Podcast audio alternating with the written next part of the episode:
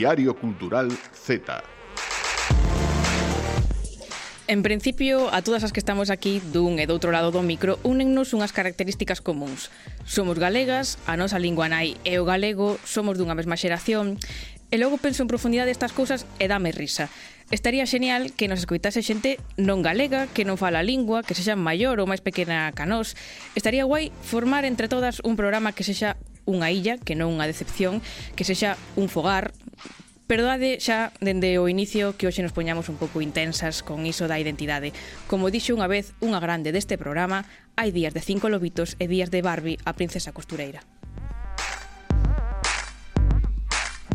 Bos días, boas tardes, boas noites dende o Estudio Multimedia da Radio Galega.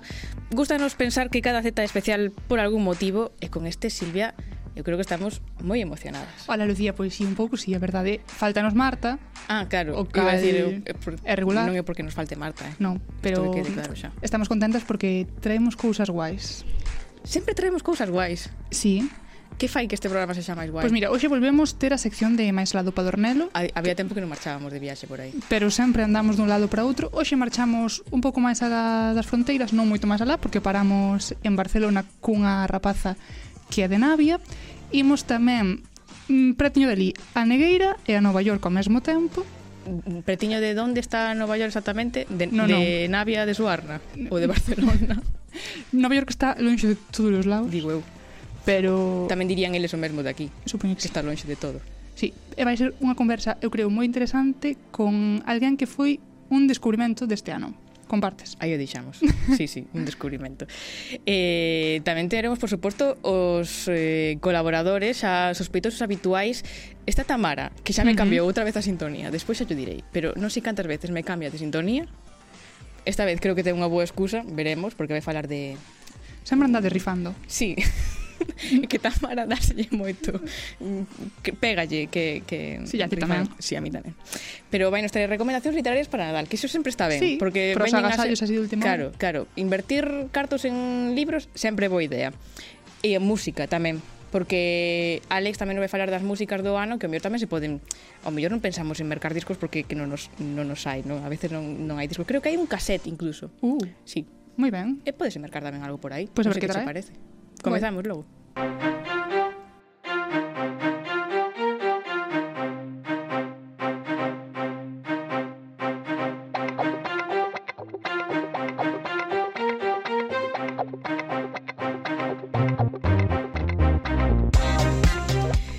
por fin volvemos a ir de viaxe, estivemos mm, en México, bastante lonxe. Uh -huh. Estivemos en Dinamarca, tamén non está mal, en Bélxica, sitios mm, ben para, para, para viaxar e coñecer.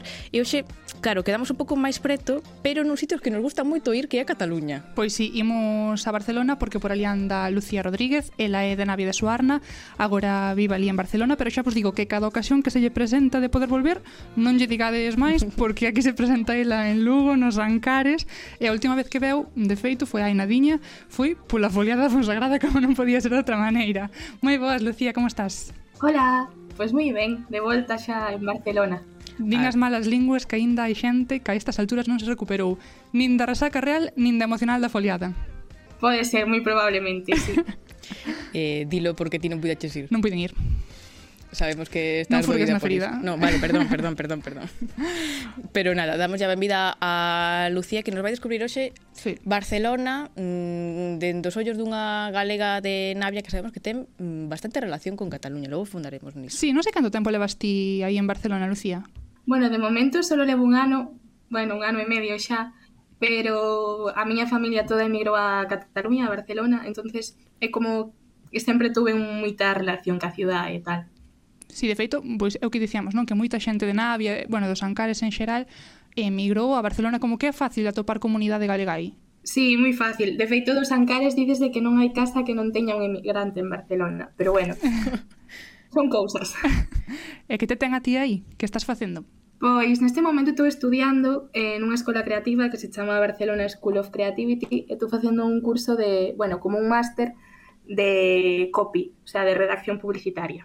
Uh -huh conta seguir máis alá do Padornelo moito tempo ou volver como a como non estás afeita, sí. A ver, si podo volver, quero volver cuanto antes, pero bueno, nunca se sabe. O caso é aproveitar ben o tempo que sí. estes ali e tamén para nos eh, deseñamos esta sección basicamente porque queremos ir de viaxe. Entón, planificamos unha viaxe a Barcelona. Sabemos uh -huh. que hai moita actividade cultural e tamén actividade relacionada con, con Galicia, non? Contanos que ahora mesmo hai cousas que, que podemos relacionar a través da cultura Galicia con Cataluña. Eh, sí, o sea, hai moitísimas cousas, prácticamente todos os fines de semana hai algunha actividade, algún concerto, algunha foliada, algo. Sempre. Mm. Eh, sempre, sempre. Sei que ti digamos, como o epicentro das noticias de actualidade de mm, cultura en Cataluña relacionada con Galicia. Cando alguén quere facer algo relacionado con iso, preguntan a ti. Bueno, non exactamente eso. Cando alguén se quere enterar de algo, pregúntame a min, porque non Ves. sei como fago que sempre me entero de todo. Pois pues, veña, fainos un pouco de correspondente cultural e falanos pois de algún espectáculo, algunha exposición, algo que foras últimamente aí en Barcelona que te trouxera aquí sen necesidade de viaxar. Pois, eh, por exemplo, agora mesmo está vendo na, nun museo de Hospitalet unha, unha exposición que relaciona a emigra aos emigrantes galegas en Barcelona, as mulleres, eh, organizada polo, polo Museo Provincial de Lugo que anduvo de xira por diferentes museos de, de Galicia e agora está aquí en, en Barcelona e fun vela e a verdad que é moi chulo, sobre todo porque sale tamén a miña abuela e máis xente que conozco. Mm. É moi guai. Que guai recoñecer tamén neses lugares sí, sí. xente coñecida, caras coñecidas. Proximidade Llullana se chama. Sí. Eso, é que non salía o nombre, porque eu co catalán de momento aínda... Vexete posta, poste, Lucía. eh, eu estou postísima tamén. Eh. no, aquí a experta en catalán é Silvia. Eh, eh, chega ben, pero sí, sí. todo, todo se andará. Eh, entón, podemos decir que estás en Barcelona, pero como se nunca marcharas de Navia. Bueno, sí, quitando os mil kilómetros que me separan, sí. quitando esa pequeniña cousa. Mil kilómetros tampouco son tantos, eh? Que va, eso nada, unha hora en avión. Ma, nada. Máis ou menos o que, que levamos aquí a, de Santiago a Lugo. Sí, se non fora pola hora do avión, eh, logo sumarlle a de coche ou a de bus para chegar a Navia. Claro, pois, é que chegar a Navia... Ese é outro asunto. Complicado, sí. Pero merece pena, eh? Oye. complicado, sí. Estás lejos hasta... a verdade é que sí. Seguinos falando entón de outras propostas culturais de Barcelona relacionadas con Galicia. Faláchenos desa exposición, pero coido que tamén estás o tanto dun espectáculo que relaciona eses dous mundos. Sí, eh, o sea, foi o día o sábado día 10 de decembro, houve un espectáculo moi guai organizado por polas diferentes casas galegas de Barcelona e por Chisco Feijo e Artur Puga, que se chamaba Unha xeración dos mundos, relacionaba precisamente eh, esas dúas xeracións, as emigrantes que tiveron que emigrar nos anos 60 e 70 a, a Barcelona, de Galicia a Barcelona. Entón, eses dous mundos. Uh -huh. E a verdade é que eu non puden ir porque estaba na foliada da Fonsagrada, pero prioridades, eh? foi, foi moi guai e moi moi emocionante porque foi todo a través da música, do, do, do teatro tamén, eh, que fora moi moi bonito. Uh -huh. Eu mm, estou vendo que lle tira moita foliada. Foi Sí. Cabe destacar que foi, foi no Liceo que un dos, bueno, dos teatros así máis bonitos de, de Barcelona. Mm, un sitio entero. Espectacular. E ali se monta unha foliada, estaría eh, increíble. e, e, claro, estamos falando moito de foliada. Eu teño que decir, Silvia, cando me, presenta, me presentou aquí a, mm. a Lucía, comentoume unha anécdota que dixen, só con iso xa temos que... que a ver, unha anécdota que, que creo que, que a estas alturas xa saben medio Galicia Twitter, eu, Lucía está fora do mundo. Eu, eu estou fora do mundo, eu non a sabía, pero pareceme alucinante. A pandeireta, Lucía, por favor. A pandeireta. Ai, Toma, Lucía. Pois pues mira, neste mundo. A empezou con unha foliada, bueno, primeiro houve unha foliada nun sitio e despois fomos a unha plaza a tocar porque claro, era moi cedo para marchar para casa. E nada, veu nosa guardia urbana directamente a nós a, a multarnos e a quitarnos a pandeireta e nada, quedamos sin ela. Eh, non sei que vos despois... É que ven a Guardia Urbana, ve unha pandeireta e di, eso que, trae pa aquí. Querían a pa eles. Nada, é un arma, pode ser un arma letal, con unha pandeireta, buf, igual podes matar a alguén. Como se chaman estas cousas que peligroso. lanzas así, que son nin, de ninja, sabes? Que son así tamén como as ferreñas. Claro, as ferreñas, é verdad. Nada. Bueno, eu non pensara, pois pues igual era por eso. É que tedes igual un momento un pouco violenta ti. Pero houve final feliz. Bueno, final feliz, a pandeireta tamén non a recuperei, Esa non. pero pero bueno, puxen unha reclamación en todas esas eh, todas esas cousas, pero nada, non vou conseguir nada. Eh, pero escribí un artigo nun periódico, leo Xavier Díaz eh, e regalou unha pandeireta das súas. É que, que Xavier Díaz te claro. regalou unha pandeireta. Non concerto de Xavier Díaz, aló? Pois non está nada mal. No, non está nada Exacto. mal. No, no, a verdade é que foi moi guai e aparte ese concerto foi moi moi moi chulo, porque houve moitas sorpresas e moitas cousas guais. A verdade é que non se despega moito de Galicia esta muller aló. Vas moito de foliada aí? Sempre que hai. non perdona. Eu teño que decir que unha vez que fun a Barcelona bueno, escoitei gaitas. ¿Sí? Non sei onde viñan, pero... Eh, non te chegaste. Dixen gaitas, gaitas para outro lado. Non, mentira, non. Pero gaitas escoitei. Mm. Sí, sí unha, unha, unha anécdota. Gaitas non moitas, pero panderetas, pandereta é raro galego que non teña unha aquí. E aparte hai moitos sitios onde ir a clases, por exemplo, hai unha a ACGB fai sempre pues, foliadas moitas veces, organizan polas letras galegas un, unha cousa. A semana pasada, de feito, o xoves pasado organizaron un, unha foliada a que tamén fun de, de Nadal, de despedida do curso, e nada, hai moitas cousas. Realmente se si queres... Enfoliada, verdade. Sí, sí, sí, sí. Pois Lucía Rodríguez, que é a nosa convidada de máis alado Padornelo desta semana, é a persoa que está detrás dese proxecto que igual vos soa, que se chama O Argueiro dos Ancares, a través do que difunde cultura e patrimonio desa comarca nas redes. E eu non sei, Lucía, se tamén se lles mete nos ollos O Argueiro dos Ancares, ali en Barcelona. Espertalles interese o que ocorre nese lugariño? Bueno, pois un pouco sí, porque de feito eh, o ano pasado que, que estiven facendo un máster, pois fixen o traballo de fin de máster tamén relacionado un pouco coas redes sociais e as culturas en risco de desaparecer e, por suposto, tamén falei dos Ancares e, e de Galicia en xeral. Bueno, a semana que ven teño que entregar un proxecto tamén no, no novo curso que é un libro que é da, desas palabras dos ancares que eu vou recollendo que che chamo dicionario dos Abuelos entonces sempre os falo de cousas e sí, xeralles moito interés, a verdad. Todo o que ten que ver con Galicia, cos, cos puebliños, Claro, está moi guai que, que non que achegues esa cultura galega tamén a, a, a, a Cataluña. E nós aquí, mm, sobre todo Silvia que lle gusta moito o catalán eso xa eh, sabémolo non sei se nos pode recomendar algo da, da cultura catalana, da música, da literatura que, que últimamente chenchera o ollo. Fainos algún descubrimento. Mm. eh, De música, ahora mismo non se me ocurre ninguén. Pero de libro... É que claro, anda de folia de folia... Canto yo e la montaña baila. Mm, sí, é no que lees en catalán. Uf. Pero, é, é difícil, eh? Sí, probaches a, a versión catalán ti? No. Pero Agas a Yomo, Lucía, ese libro. Xa non te acordabas. Ah, en catalán? Non. Ah, eu, sí. ah, eu sí. é que, con, é que dúas estou meliando, como eles estou meliando Lucía, sí, sí. En fin. Sí, regalecho eu, sí, é verdade, non me acordaba.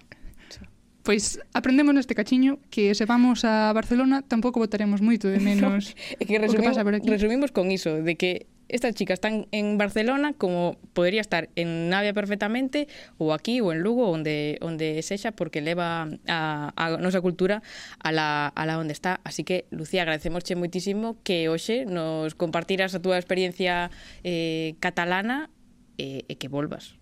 Pronto. que sabemos que sí. Sabemos que che gusta volver. Por suposto que volverei, sí, sí, sí. Cando poda. En, en dúas semanas, en Navidad. Ves? Acaba bueno, de marchar e no, xa está de volta outra vez. sí, eu... Por, por eso me chamo Argueiro, porque os argueiros van e ven e nunca se sabe onde están e por eso. pues moitas gracias, Argueiro. A vos. Esta vida non me chega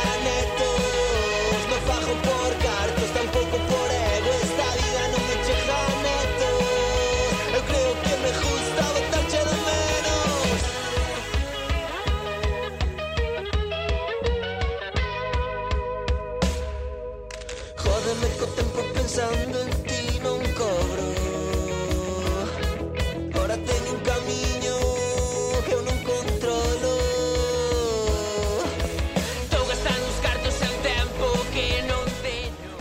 Pois pues despedimos a Lucía, pero imos seguir falando de lugares, de xente que queda ou que marcha, que, que como Lucía non sabe se ven ou se vai de volta. Sí.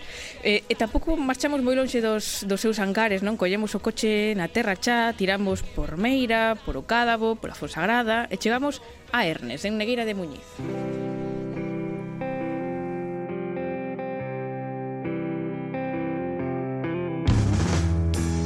Non queda xa ninguén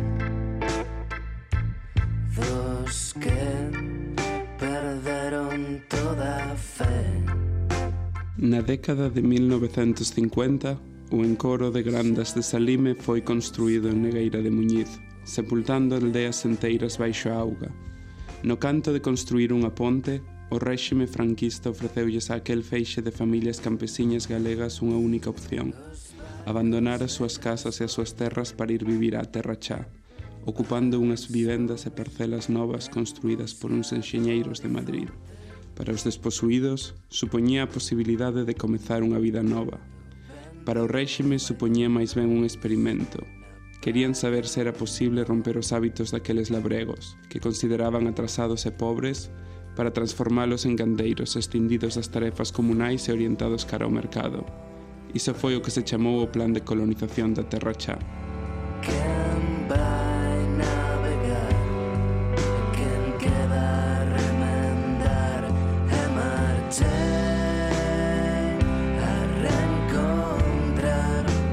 Pois realmente esta viaxe tamén tería un punto de saída en Nova York porque ali onde vive Brais Lamela, o autor de Ninguén queda, un libro, eu creo, un descubrimento, Lucía, deste mm. 2022 sobre fogar, sobre pertenza, parte dese plan da colonización da Terra Chá nos 50, esa Terra Chá na que el naceu, porque é de Vilalba, e móvenos por dous mundos e por dous tempos, porque atopamos espellos e continuos fíos entre o piso dun estudante emigrado nunha cidade como é Nova York e as vidas deses veciños de Ernest desposuídos da súa casa e trasladados ao Arneiro tirábamos aí de meroteca, xa escuitábamos uh -huh. a voz de Brais. Era unha grabación, pero agora temos a Brais tamén presencialmente aquí no noso estudio. Brais Lamela, que tal? Benvido. Me, moitas grazas.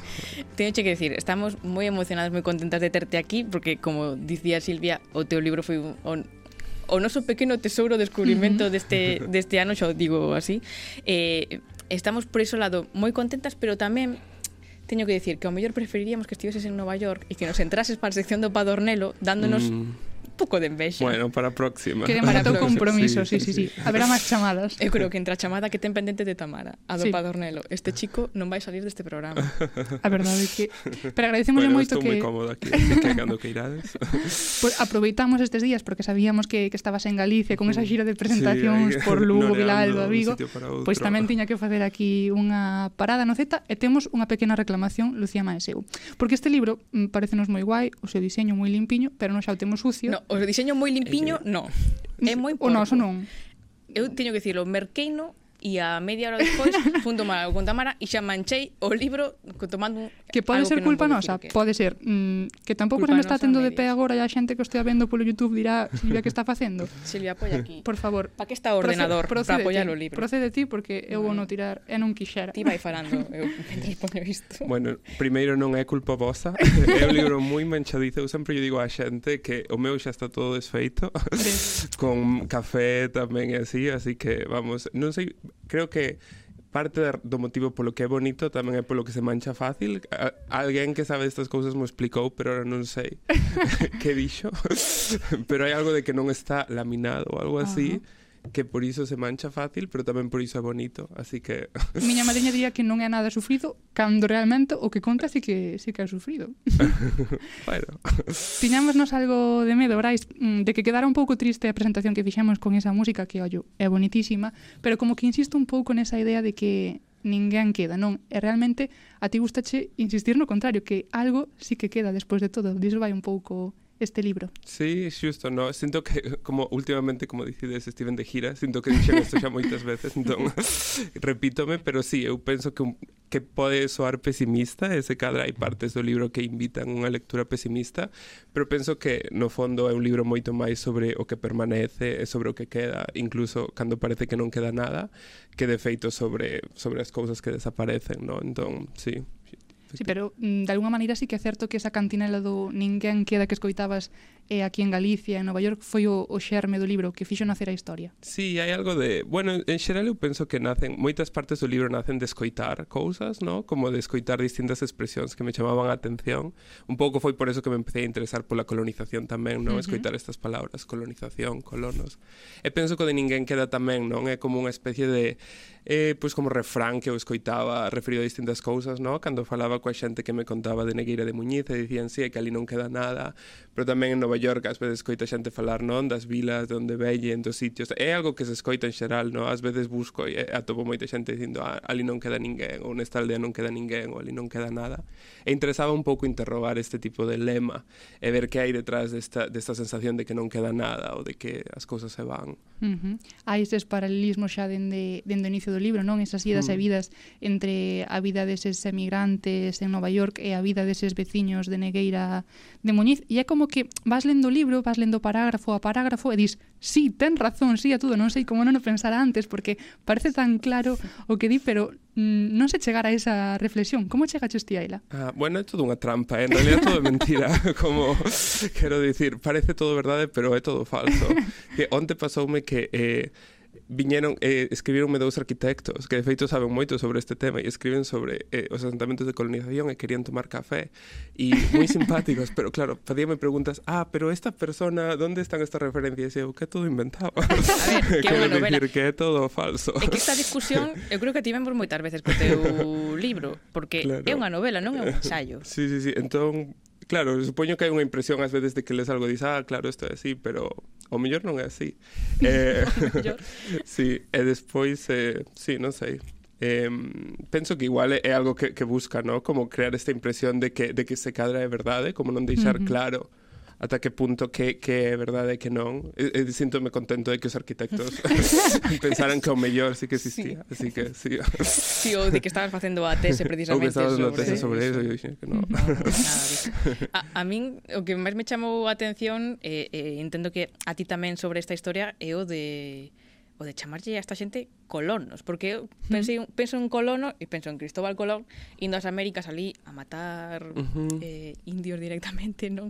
Teño esa como esa, ese concepto do colono, claro. e aquí é unha cousa totalmente uh -huh. distinta, ainda que con ese mesmo significado de chegar a un lugar novo. Claro, sí, sí, sí, justamente, no? eu tamén creo que pasa que moitas veces penso que as palabras teñen unha importancia, no? Entón, como que chamaba moito a atención, porque un pouco como a ti eu asociaba a colonización con algo como medio transatlántico, non? Como a colonización española ou a colonización en Estados Unidos, no? Do Far West, todo isto, e, e pensar na Terra Chá, que era onde me criara, como que hai para colonizar aquí.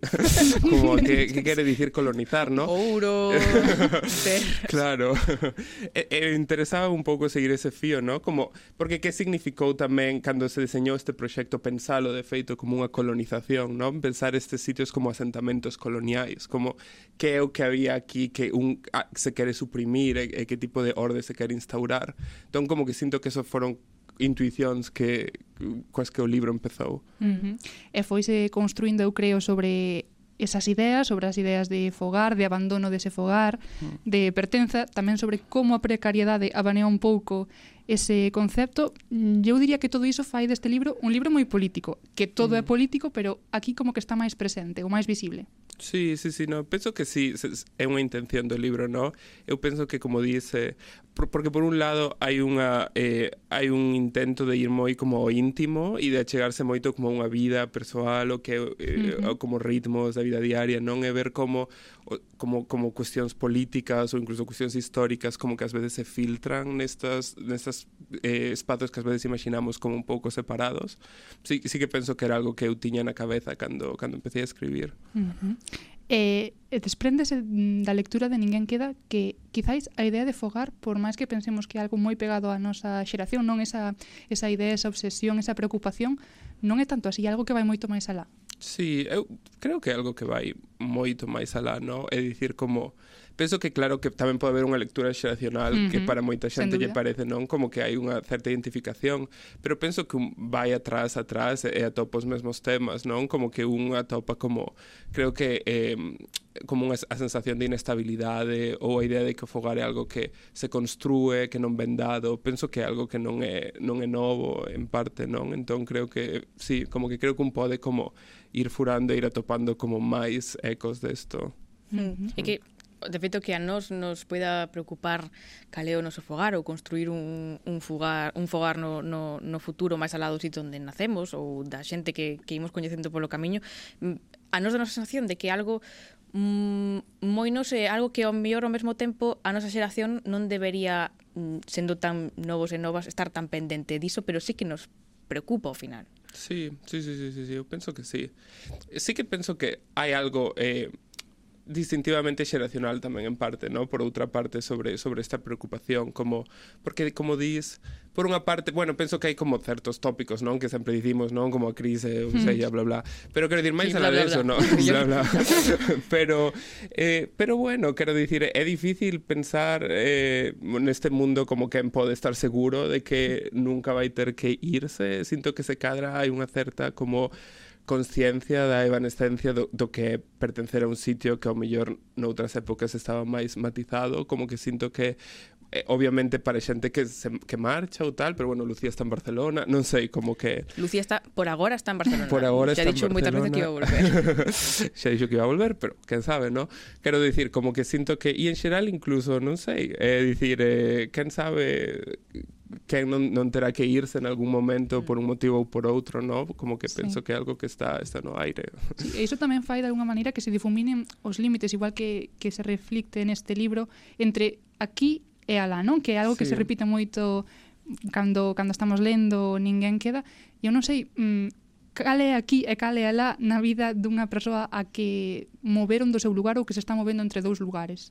Claro, sí, eh, justamente, ¿no? Como para min eh, eh, esa, esa incerteza de, é algo que é moi parte do libro, ¿no? Que creo que tamén ten un pouco que ver, bueno, polo menos eh, no, nun caso, tamén con miña experiencia, non? De, de, de escribir un libro e de escribir un libro en galego e de pensar como, e de estar vivindo alá e de non querer como descartar completamente a experiencia de estar mm. vivindo alá, pero tampouco querer falar de aquí. Eh, e penso que ese aquí alá, aquí alá, como que era algo que tiña moi presente, ¿no? Como que como podo estar escribindo sobre Nova York que tamén está escribindo sobre Galicia eh, e, e viceversa, está escribindo sobre Galicia e está escribindo desde lonxe. Sinto que é algo que para min era importante como esta incerteza do aquí alá. De feito, había unha parte antes na novela que pues, eh, eliminamos na, na parte de corrección de probas na que decía aquí o narrador e eh, pues, poñente paréntesis ou alá, como que había esa confusión de onde estou escribindo agora, como onde escribín estas liñas, estaba aquí ou estaba lá. Sí. Eu estou me mareando. O sea, aquí indo para ali e para lá, o sea, é como un partido pues de tenis. Sí. Ping, ping. Mm, se che parece, Silvia, sí. que estou vendo aquí a Tamara tomar moitas notas. Ven un segundo, Tamara. Que además é que Tamara... Mm, xa que temos aquí. Xa para empezar teño que comezar pedíndolle disculpas, porque... Gracias Coincidimos Hola Tamara, que tal? Coincidimos con ela na presentación deste libro. Sí. Dixenos, é unha entrevista moi guai pro Z, seguramente sí. o vou levar e nos dixemos, eh, Tamara, mira unha cousa, mm, ímolo traernos. Mentira, non me dixestes nada. Eu dixen, por favor, deixádeme a min a Brais. E de, despois decateime de que xa estaba a entrevista feita. Sí. E aínda hai uns días falei con el, dixen, a ver se si agora que pasou un tempiño, eh, falamos para xaneiro, e de souben onte que estaba xa aquí. Estuve Polo menos soube chelo onte. Bueno, entón, que fago? Saudar a Brais. Hola, Brais. e dille a Brais... Pues, con ganas de falar contigo, pero non me deixan. No, así que agora deixamos, che. Grazas ou non. eh, fago algunha pregunta, entón, podo. Se te apetece. Unha, eh? Unha, jo, tiña dúas. eh, Ainda recortando. De algún xeito, non sei se vos dades conta, pero Brai xa estivo un pouquiño aquí porque falamos con Javier Peña e el participou nas residencias literarias do Gallás. Sí. E entón eu estaba agora preguntándome se si esta novela ou parte desta novela foi escrita aí ou non, ou no. foi outro proxecto totalmente diferente. Pois xa sí. temos excusa para volver a falar no futuro seguramente. eh, ben. Saiu publicada cando estaba ali. Sí, sí, sí. Pues estaba, estaba, de feito, Berta veu traérnola. Ah. Foi a primeira vez que a vin, estaba no medio dunha sesión. Ah, eh, con xente e chegou Berta como a así como ao Monte do Gozo con ela. Que sí, lindo. Sí, moi simpática. E xustamente a outra pregunta que tiña era en relación Como xa está coando. Ah. eh, en relación a Berta, porque entendo que aquí sí que houve un labor de acompañamento editorial importante, non? Como foi ese proceso con ela? Sí, bueno, xa para empezar quero dicir eh empezou xa eh, que non había novela antes de que ela me dixera. Se me apetecía escribir un libro quero dicir, como non tiña nada cando me escribiu e dixen, bueno, vale, vou necesitar tempo porque tal, pero sí, efectivamente, non e, e quero dicir, eu penso que ao longo de todo este proxecto sentime moi acompañado, que era algo que para min era importante porque eh, bueno, como que sí que me gusta me escribir, pero en xeral escribía cousas máis ben breves, como mm. que sempre, non sei, teño pouca disciplina, entón un proxecto longo sempre os deixaba, entón sentí, bueno, pois pues isto como unha especie de compromiso que teño con ela, e ademais, pois pues, como alguén que admiro moito e me gusta moito como escribe, e sentía, eh, vai seguir como traballando este libro, non? Tamén en diálogo, e, efectivamente, como que pois é eh, tamén un pouco así, eh, dependendo porque tamén os dous éramos persoas ocupadas, non? Entón ás veces non desconectábamos, eh, pero pero sí, efectivamente sentíme moi acompañado en todo o proceso, non? Leu varias versións, mm. como que leu eh, tamén porque eu fui escribindo por partes e dándolle como quizás máis corpo a algunhas partes como non foi de principio ao fin e ela como que acomodouse moito o meu proceso de escrita e como, sí, foi algo moi para mm. min foi moi valioso sí. Eu creo que chegados a este momento estamos eh, todas de acordo en que Brais ten que escribir máis dime. Sería bonito. Para que me deixedes falar con él, efectivamente. Exacto, eso para iso, eh? para que eu poda estar aquí por outro libro que este xa, xa fal... Bueno, non falamos todo o que había que falar este libro, no, porque agora tamén nos vas falar ti máis, pero de momento mm, despedimos a, a Brais, eh, foi un auténtico placer eh, terte aquí, foi unha entrevista moi perseguida. Por todos, oh, por moitas todas. grazas. Moi contento de estar aquí. Gracias, Brais. Gracias.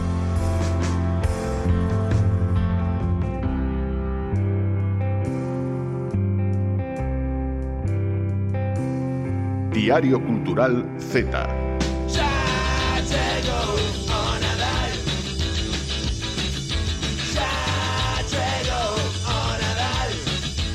E agora tes que responder por outra cousa. Porque digo ben, é a terceira vez que me fas cambiar de sintonía nesta Pero temporada. Esta de xeito puntual, Lucía. É porque está xa chegou o Nadal. Xa puxen a árbore, as luceciñas e todas as cousas. A ver de que non. Podo dicir unha cousa, Di. é que eu puxen, xa puxen a árbore, é que teño que contar isto porque foi traumático, entonces eu creo que se o comparto, sí. vaiseme pasar o trauma. Vale. Pero que eu... Non está de broma, eh? No, que no. é o peor. É que ela riuse de min, pero... No, non é para rir. Foi é que... un evento traumático. Eu estou imaginando un árbore de Nadal con recomendacións literarias. No, no. Bueno, eu poño árbore ao revés. Eso para empezar, porque Lucía Colgo do teito. Así. Pero eso non é importante. O importante é que eu puxenlle as luces e cando as fun enchufar estouparonme na man e quedou a man negra. E eu teño un trauma porque agora o meu árbol está sen luces porque collín medo. Vaya imaxe. E non nos vai poñer. Unha árbore ao revés. Ti sabes os debuxos así. animados estes nos que hai unha explosión e queda xente cos pelos de punta e todo manchado de... Así foi, Lucía. Así que unha foto. No. Que magua. No. No. Dito isto, falamos. por favor. Sí, síntome mellor, eh, grazas por escoitarme. Eh, de nada. Para eso estamos, Lucía. Eu traía esta sintonía porque hoxe hai que enmarcar un pouquiño esta sección mm. no tempo que nos acompaña e, e o último programa antes de despedir o ano o e do Nadal. Claro, que a miña sección, mm-hmm. efectivamente, é a última vez que vos estou aquí. Pero bueno, Alejandro tamén vai falar eh, de algo relacionado con Nadal ou poñer un pouco o broche de ouro a, a este ano, a sí. tempada, para nós, para as colaboracións. Eu creo que nos vai quedar un programiña redondo. Entón, nada, veño falar de recomendacións lectoras feitas por min, por vos, por outras persoas que son recomendacións que podemos mercar, que podemos buscar nas bibliotecas ou que podemos aproveitar o tempo de Nadal, que é máis de vacacións, pois para ler. Pero se agasallas un libro dunha biblioteca, despois eh, venche unha multa, non podes coller no, libros, metete na cárcel. Lucía, refírome a que en Nadal temos máis tempo libre, tamén ah, a nivel ah. persoal, ah, entón podemos vale, aproveitar vale. máis tempo para ler. Ah, vale, é dicir, vale. non fai falta mercar. Que vale, todo vale. saca puntillas esta muller. É importante mercar eh, libros. Sí, pero Ay, somos que... zetas, Ai, que non ah, temos tanto carto. Xa, iso tamén. eh, entón, o primeiro que imos facer é escoitar a tres autoras que de algún xeito foron punteiras este ano para min. A primeira delas é Bea Gregores, que é autora e ilustradora ao tempo, é dicir, bueno, autora en xeral, porque autora pode ser autora de texto e autora de imaxe. Uh -huh. Entón o que fixen con elas foi pedirlles un pequeno audio onde nos conten pois que recomendan elas para ler este Nadal. Entón, vale. primeiro, escoitamos a Bea. Ola, moi boas, son Bea Gregores, ilustradora editorial e autora do libro As mulleres que cultivaban néboas, e gustaríame recomendarvos un fanzine realizado pola ilustradora galega Nuria Figueiredo titulado Pobre Chico unha obra intimista e poética que reflexiona sobre o carácter evocativo dos obxetos, sobre o recordo e o propio proceso creativo da autora, cuns textos e unhas ilustracións fermosísimas, aptas para todos os lectores. Moi ben, pensando en todo o mundo. Uh. Coñecíades a no. Nuria no. Figueiredo? Non, non a pois, coñecía tendes que buscar este... Primeira recomendación con triunfo. Sí, fanzine poético, moi lindo, eh, buscade nas redes, está moi ben. Um, e sempre as... recomendar a Bea Gregores, que é fantástica. Efectivamente, as mulleres que cultivaban néboas, eh, un bo agasallo de Nadal, desde uh -huh. logo. Eh, a segunda recomendación vai nola ofrecer Irene Rega Jul. Irene Rega gañou o premio eh, Illa Nova de narrativa, uh -huh. publicado pola editorial Galaxia, que gañaron antes pois persoas como Vanessa Santiago, como Antía Yáñez, como Lara do Pazo e agora súmase pois o dela, Irene Regajul. Ola a todos e a todas, feliz Nadal. Son Irene Regajul, a autora malferida, gañadora do Premio Llanova de Narrativa e de Tecendo Redes, Premio Vilar Ponte, ambas este ano. Veño facervos algunha recomendación lectora e o certo que me costou moitísimo escoller só un. Finalmente recomendo vos para os que sexades amantes da novela negra como a min, a última das historias do inspector Abace Barroso, que é a vida secreta de Úrsula Vaz, de Arancha Portavales, xa que é moi sinxela de ler e áxil, mantén a intriga e o suspense ata o final, e eu creo que é ideal para ler nestas días de vacacións que imos ter agora. De algún xeito, alén destas recomendacións, estas autoras están tamén na lista de futuras convidadas pro Z. Están nos advertindo para que non chas roubemos. Pode ser, tamén agradecería moitísimo, pero vale, bueno, si tomamos non, nota. non pasa nada. Eh, ela falou de, de novela negra, mm. Irene, mm. pero non se sabedes que saiu unha nova editorial estes últimos meses, non de novela negra, sino de ciencia ficción, non sei uh -huh. porque penso nas dúas en paralelo. Boadice Editora, sí. eh, que tamén, a ver se si pode ser unha das convidadas do, do viteiro ano. Porque é unha rapaza noviña. Son dous rapaces, creo, unha rapaza e un rapaz, ah, sí, dan, vale. dan nosa xeración, máis ou menos. E, pu, bueno, céntranse en ciencia ficción, pero non só, tamén teñen, por exemplo, propostas infantís, uh -huh. así que se si queredes as persoas que nos escoiten sin queren regas, eh, agasallar tamén algo para crianzas poden botarlle unha ollada ao catálogo de Boa Dicea edicións. E a terceira e última recomendación por parte destas autoras novas é Sica Romero, que si ben falamos antes de que o libro de Brais é un dos descubrimentos deste ano, eu creo que a outra é Abelaiñas eléctricas de Sica Romero. Boas, amigas Z, enhoraboa polo traballo que facedes. Eu son Sica Romero, autora de Abelaiñas eléctricas e a miña recomendación literaria vai ser Unidade. Unidade é o primeiro poemario de Alba Doval que ademais forma parte dos cimentos da editora Rodolfo e Pristila. Eh, Alba escribe nestas páxinas sobre as relacións entre as persoas e lugares, lugares que deixan pisadas e que mesmo poden infringir un dano, E inda que Alba escribe que os segredos non se poden transmitir non por escrito, xa que non existe un alfabeto apropiado nin palabras para poder expresalo, estes lugares aos que a autora nos leva a min parecenme cheos de segredos que eu penso que inundan tamén as páxinas deste seu libro. Ademais, Alba acaba de gañar o Premio de Poesía Díaz Jácome con nova escrita que máis dunha esperamos con moita, moita ansia. Auriño e moitas grazas. Alvadoval é outra das persoas que temos nesa lista de futuras... Tens moitas cousas pendentes. É unha lista longa. Teño unha lista longuísima. Guai. Eh, son unha persoa moi mm, precavida. É que pensando precavida, sí. No. pero pensando en todo o xa non só mm, nesto que estamos comentando, no, pero todo o que nos trouxeches a este ano. Uh -huh. E aínda todo o que tes pendente. Sí. As cousas que saen no 2023 van vir no 2024 sí. e así A verdade é que me agobio as veces con este tema, pero non pasa nada, poquinho a pouco imos facendo. Eh, quedounos un ademais todo moi redondo porque claro, detrás de Rodolfo e Priscila tamén está Berta Dávila, Vale, bueno, en que e que mira, tamén non fai falta recomendar a xente xa vai en más as librerías comprar os seus libros moi ben feito, pero non, non hai que recom nin recomendala, vaya. Que non, o contrario de recomendala tampouco facemos aquí. É que a veces digo cousas que a veces... Nun, nunhas charcas, Luciña. Sí, que Tamara. Ah. Eh, nada, ti tamén teres que recomendarnos algún libro, claro. eso de mandar traballar os demais. Efectivamente, eu quería aquí que nesta mesa tamén traballásemos, ah, entón, ah, todas. Eh, claro, ide pensando mentre eu falo. Eu vale. por coherencia interna, eh, xuro que isto foi antes de saber que souben onde que Brais ia vir, eh, a miña recomendación ia ser Ninguén queda, uh -huh. eh, para calquera persoa que non sexan mm, nenos, nenas. E, e digo isto por coherencia interna porque creo que foi o libro que eh, máis recomendei ao longo deste ano. E creo que a xente xa me odia un pouco por pesada.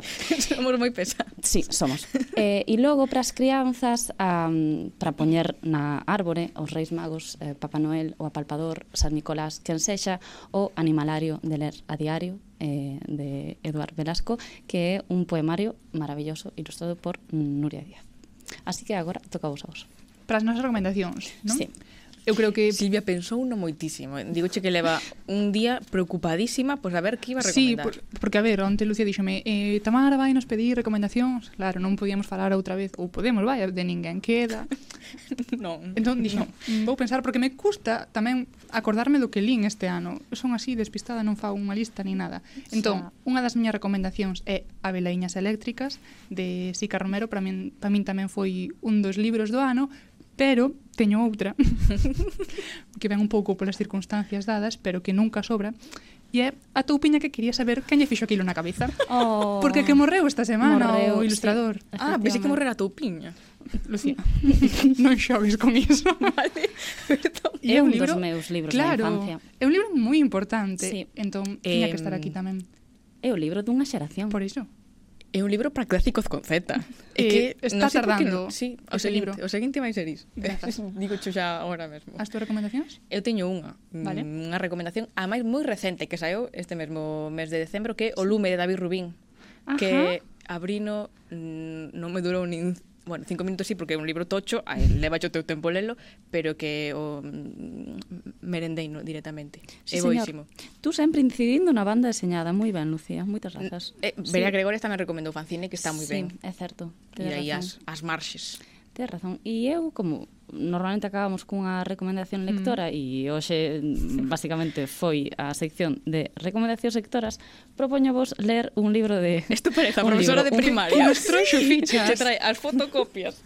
Trouxen as fotocopias grampadas eh, unha copia para ti, outra para ti Lucía, Pero isto que outra para min. Temos examen. Pois, eh, non, o corvo agoirador é un dos poemas que aparecen en Animalario de ler a diario que é divertidísimo e o quero que vos experimentedes o divertido que é e a xente que nos escoite tamén. Entón, imos ler un poema xuntas. Que vos parece? Pues entón, yo, yo, yo cuarto de primaria.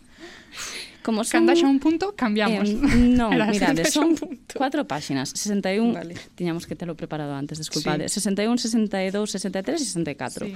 Pero mirai, eu podo ler a 61, E a última. Lucía, no, Lucía le cando despertou desguello e o resto eh, Silvia, parece vos. Daí ata final. Cando despertou, des... espera que xa me perdín. Perdón. Eu leo un anaco tú sigues e despois ir. Ah, cando me canse, efectivamente. Paso, entón, o corvo agoirador. Eh, despois se si queredes comentámolo, é que non sei como vimos de tempo, vale? Mal. O corvo agoirador. En chegando invernía pasou un corvo, perdón, empezo outra vez. En chegando invernía pousou un corvo na horta. O avó persígnase, xura, terei a morte na porta. Avó e paxaro fitáronse, e o negro, cun xesto torvo, fíxolle pensar o vello. Logo serei xa un estorbo. O corvo moi falandeiro díxolle con moita maña. Vento chaparca, Manolo, sinto zoar a gadaña. O corvo bateu as as e deixou no sono transo, aterecido, soñando, co seu eterno descanso. Cando despertou, unha dama negra, magra, arrepiante, abanaba diante súa unha folla escintilante. O Manolo estremecía, saloucaba e non se tiña. Non me podo embarcar hoxe, teño traballo na viña. Non te apures, Manoliño, que se veño por aquí e pra ter a gadaña ben aguzada por ti. En tempos levaba 15, mesmo 20 nunha xeira, pero coa gadaña Roma nin meto 10 na carteira. Sen protestar, o Manolo foi canda morte ao pendello e afioulla con ben xeito, sempre mirando a desguello. Ao acabar a encomenda, entregoulle a ferramenta. Ela pasou polo fío un oso da man, contenta. El con receo agardaba cando lle deu elas grazas e aínda botou un anaco mirando nel con cachaza. Estén tranquilo, Manolo, xa vexo que tes traballo hoxe vou ando ao veciño, que ademais sei un atallo. Se vas facendo exercicio e non te pasas cubiño, antes do teu sacrificio aínda has facer ben camiño. Viu no aboa dali a un cacho, sentadiño, esbrancuxado, e rifoulle seriamente. Que obsesión tes co traballo. Descansa algo, inconsciente. Pareceme moi boa metáfora rematar cun poema sobre que o traballo mata. Eh, é un poema xenial. Sí, eh, é un exemplo para que a xente vexa que este poemario ten que ser lido en alto eh, os nenos, as nenas, pola noite, antes de dormir, para tratar, por exemplo, temas como a morte, pois pues así, con un chisquiño de humor. Maravilloso, Tamara, moitísimas grazas polas túas recomendacións e por grazas este poema maravilloso. Farei vos ler máis poemas a partir de agora.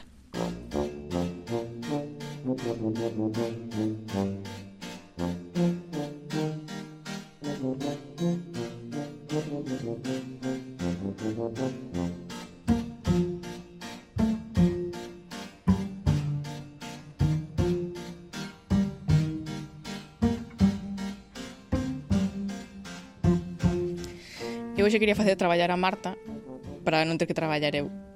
Pero, pero como Marta non está, cousa. teño que traballar eu. O bo é que, como Tamara se pasou tanto de tempo, teño que falar eu menos. Pois pues veña, vai dando. está ben. Sí, vale. E sabes que mm, pasa hoxe? Que eu cando deseñei esta sección... Sí? Como se chama a sección? Clásicos con Z. Grazas. Eh, pois, en principio, eh, traer clásicos o Z pensaba que eran conceptos opostos, non? Pero mm, en realidad pensei a sección cun, con un libro en mente e con este libro que, que trouxen hoxe. Un libro que foi toda unha sorpresa un xoque emocional un terremoto literario esas cosas que lle gustan decir a, aos críticos. Si, sí, si, sí, vexo como frase de faixa. Si, sí, si, sí, sí, exactamente. E, e basicamente é por, por unha razón. Está escrito en 1929 pero parece escrito por unha das voces eu que sei máis avanzadas da literatura actual. Mm -hmm. e esa era precisamente a miña intención con esa sección non? demostrar que hai novelas, ensaios mm, poemarios escritos hai tantos anos neste caso 100 anos atrás que son case, poucos. sí, sí, son os poucos, pero que poden interpelarnos e emocionarnos pois do mesmo xeito que os escritos mm, por xente da nosa xeración este mesmo ano, como fixo eh, Brais, Sica Romero e toda, toda esta pero xente, non? Vai nos dicindo, cale, sí, que vale, vale. aquí un a ver, menos. A ver si hoxe damos posto un libro no, de pé, é que, porque o de Brais, o de Brais é tan fino no. que nos caía. Este tamén é pum, pum. non, non vai aguantar de pé, pero xa digo que é pois Orlando de Virginia Woolf Eu lino ademais nesta edición que é moi bonita de ir máis cartone todos os libros que fan son mm, fermosísimos e además con esta portada con ramas eh, de, de, de Carballo traducido por, por Celia Recarrey maravilloso, maravillosa mm, edición para ler este libro E seguimos a, a cuberta de atrás, onde normalmente está o resumo que che fai decidirse se o sí. les ou non o les, Aquí temos unha frase. Vexo pouca letra, sí. pouca letra, é. Eh? A máis longa e encantadora carta de amor da literatura. Pouca letra, pero ollo, eh? E claro, é que a que non lle vai gustar un pouco de amor? A que non lle vai gustar, como diría aquela sabia muller do referencias. En fin. Sí, sí. E ademais, unha historia tan curiosa como a de Virginia Woolf e a súa mellor amiga, Pita Sackville West, a quen dedicou este libro, e máis que dedicar, pois baseou ao protagonista nesta muller da que estivo enamorada moitos anos. E diredes, pero Orlando non é un nome de home. En é dunha sí. salsa de tomate, pero vale, que gracias, Silvia, aquí. nada. Porque talle un pouco de ferraz. Sí, nome de salsa de tomate e de home en principio, sí. pero que hai esta cuestión dese libro, non, non no tomate, senón en ser home ou, ou non, non? En principio presentásenos a biografía desta persoa, Orlando, un cabaleiro da clase alta inglesa durante a época isabelina da primeira Isabel, eh, polo tanto séculos 16, 17, é un home peculiar, preocupado polas súas cousas, eu que sei, as terras, os favores da, da raíña, casar con alguén, ter moitos cartos, o típico. O típico sí. sí. Pero, ollo, que tamén é poeta, eh? que o do Carballo, porque está el escribindo un, non sei se un relato, unha novela que chama Carballo, uh -huh. non sei se ni sequera se o rema, é igual, non é importante. O caso, sí. pode parecer unha novela normal, ata que comezas a topar detalles que diste, isto non é normal. Por exemplo, xa no primeiro capítulo hai un episodio de moita neve, de moito frío, tanto frío que se conxela o río Támesis cos barcos dentro, a xente sai da casa e dá dous pasos e queda como conxelada ao instante, unha cousa así que diste, aquí pasa algo, algo pasa. pasa algo raro. E de súpeto, no capítulo 3, pasa isto que vou ler. Podemos aproveitar esta pausa na narración para facer certas afirmacións. Orlando converterase en muller. É innegable mas en todos os demais aspectos Orlando permaneceu exactamente como fora sempre. O cambio de sexo, aínda que alterou o seu futuro, nada fixo por alterar a súa identidade. O seja, unha noite Orlando vai dormir e cando esperta a maña seguinte é unha muller. Uh -huh pero sen máis importancia. O sea, xa convirtese en muller, pero é que segue coa súa vida. E, e todo isto, claro, ahora coa, coa lei trans e con todas estas cuestións da, da, da, da identidade, cosas que se están cuestionando, mm, digamos, dereitos humanos eh, esenciais e, e básicos, a min é que me parece increíble que unha muller hai 100 anos pois escribira sobre un personaxe de xénero fluido, chamaríamos agora, que, que é o máis normal do mundo. A non estás alucinada. Sí, tanta leria hai agora para... Tanta leria. En fin. E tamén escribe sobre o amor eh, homosexual como o máis normal, non porque Orlando sendo home casa cunha muller e despois sendo muller, pois segue amando a persoa que, coa que casou, non? De feito, hai un fragmento fermosísimo co que vou xa rematar que todos os amores de Orlando foran mulleres E agora, aínda que ela mesma era muller, seguía sendo unha muller a quen amaba. E se a conciencia de ser do mesmo sexo tiña algún efecto, era o de acelerar e afondar aqueles sentimentos. Por iso, eu agora remítome á frase esta do, do, do final do libro, non? de que a máis longa e encantadora carta de amor da literatura. Parece un libro fermosísimo. A túa recomendación Z non Z? Como non Z? Z cetísima. Cetísima. Encantoume. Gracias.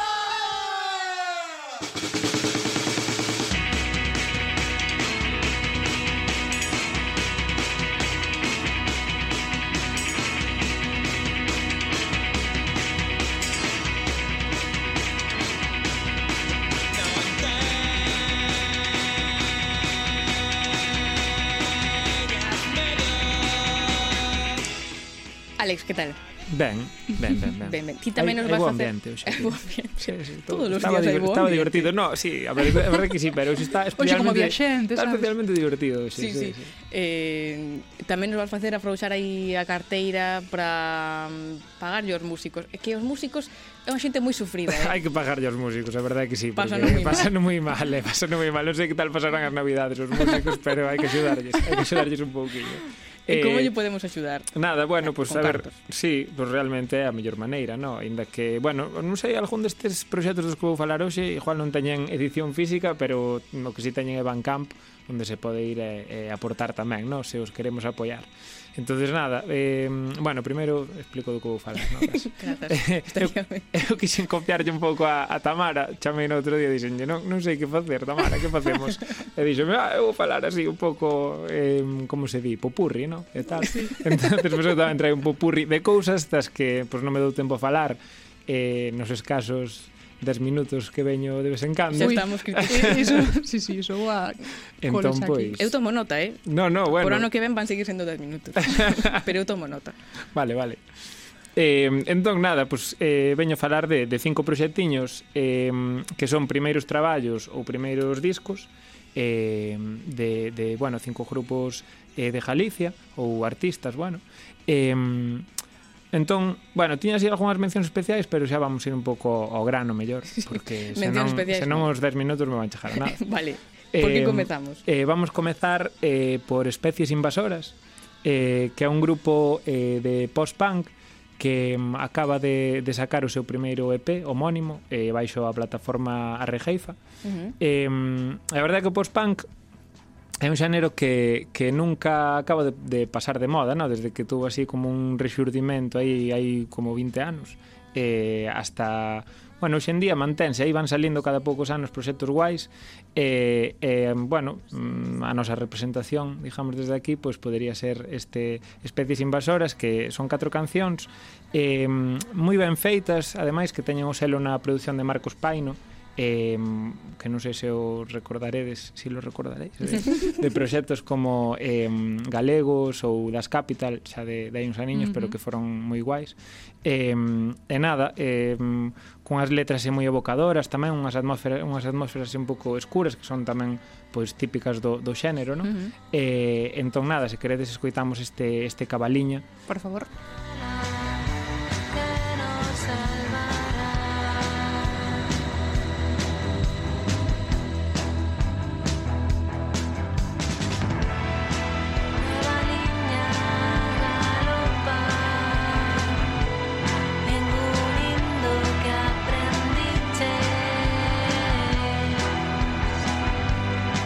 Estes ademais estou vendo que tomaron nota de como se fan as cousas porque puxeron especies con Z. Efectivamente, efectivamente, as zetas aquí sempre, por eso xa eu tamén os Marcas sempre. Sí, sí, sabía, sabía que lixeras por eso. Efectivamente, xa de primeiros ademais. Máis cousas.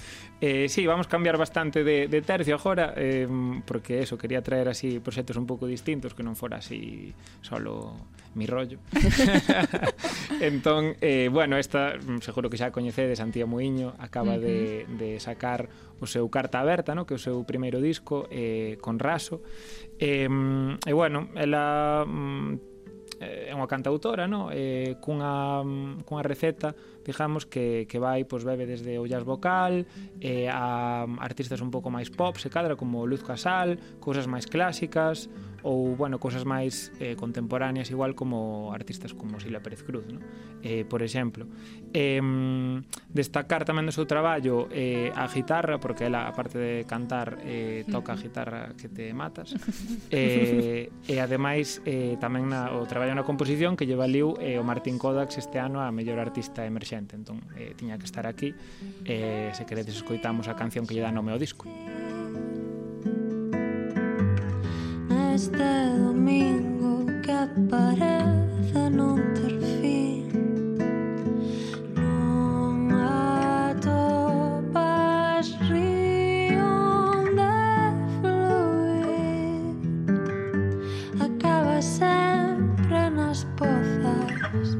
está a guitarra que mata fascistas e está a guitarra onde se matou Alex.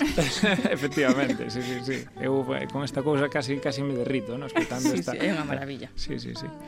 Eh, imos con outra artista eh, agora eh, que empezou a despuntar cando estaba en Londres, e realmente ela é de Vigo, no? creo que é do, do 97, Eh, o mellor ano, non se estás de acordo. Sí, sen dúbida. sí, sí. Bueno, que vou dicir? mellor 93, pero non pasa nada. Eh, ela chamase Sila Lúa, eh, ahora está en Madrid, eh, e acaba de publicar eh, Rompe, eh, que é o seu primeiro disco con, con Altafonte, que é unha bueno, distribuidora internacional. Eh, bueno, ela ten unha mestura eh, que se podría chamar urbana, no? que este xénero é un pouco caixón desastre que se usa para pa non, ter que pa non ter que explicar realmente as cousas, no? Eh, é verdade que a min eh, justa é moito eh, a parte a parte dela, no? Eh, a produción eh, que ten un toque mm, a pesar de ser pop, no? Eh, ten un toque así escuro, experimental a veces que recorda se cada un pouco a, a produtores como Arca eh, ou, ou Kanye West. Eh, E bueno, a verdade é que a verdade é que mola, mola un montón. Este este é o tema que lle dá eh, nome ao disco tamén, Rompe. Miro a lo lejos horizonte, todo este cielo ya es mi mente. El viento mueve las mareas, no le permito que se ausente. Me digo, he crecido rápido, tuve tiempo para pensar, no es un naufragio. Ya solo soy lo que me queda, Un barco a la intemperie, una quimera. Soy verdad y soy mentira. Un juego que no dominas. Soy cambio en esta vida mía. Yo quiero que. É increíble o que o está petando Sila Lúa este ano. Sí, sí, sí, é o, é o seu ano. Ademais, creo que fixo a banda sonora dunha serie de, de A3 Media eh, tamén, entón, bueno, está está aí si, si moi a tope. A verdade é que... Alegrámonos. Penso que a máis, a máis conocida igual eh, das propostas que trae hoxe, no? así a nivel polo menos internacional, desde logo, no? Uh -huh. Eh, sí, eh, e bueno, ahora pasamos de dúas eh, artistazas emerxentes a outras artistazas que foron emerxentes no, no seu momento e ahora están reemerxendo, non? Está eh, importante volver a sair. Sí, sí, sí, efectivamente. Bueno, é o rollo do post-punk que, que comentaba ahora, pois pues, a veces tamén salen eh, cousas de antes que nin se chegaran a publicar, no? non? Que é o caso deste, deste casete eh, de Voces de Ultratumba. Aí estaba, un casete. Un casete, un casete, sí, sí, sí. Eh, publicado por, por Ferrol Records, eh, que, bueno, a verdade é o que, é o que máis lle pega, porque realmente eh, son unhas maquetas, non? Que, que gravaran elas. Elas son como Bueno, o primeiro grupo, digamos, íntegramente femenino de punk eh, que houve en Galicia, non? E realmente tampouco hai moitas moitos exemplos máis eh, a nivel pues, estatal ou, ou por aquí cerca, non? Mm. Eh, bueno, elas formáronse en 1984 tamén en, en Vigo, eh, que obviamente era o, o epicentro eh, deste tipo de música en Galicia daquela, non? Eh, teñen un estilo así, bueno, como xa di o seu nome, pois pues un pouco escuro, non? Eh, máis tirando casi hacia o, hacia o gótico, eh, hacia o rock gótico daquela época de grupos como Siouxsie, And the Banshees, eh, e así, ou aquí Parálisis Permanente tamén, tamén. Uh -huh. E, e nada, eh, foron recu bueno, recuperou unas a investigadora Maricho Alonso eh, nun libro eh, no que, bueno, recupera así como pois pues, máis máis artistas deste tipo que, que caeron un pouco no, no esquecemento, no? De, de, daquela época E eh, este casete eh, que se que se publicou este ano, hai hai uns meses, eh ten contén as gravacións dunha maqueta que fixeron daquela que nunca saíra á luz e máis unhas gravacións en directo eh dun dun concerto que tamén pois era, eran inéditas, non? Eh, entón nada, se queredes escoitamos este licencia para matar. Música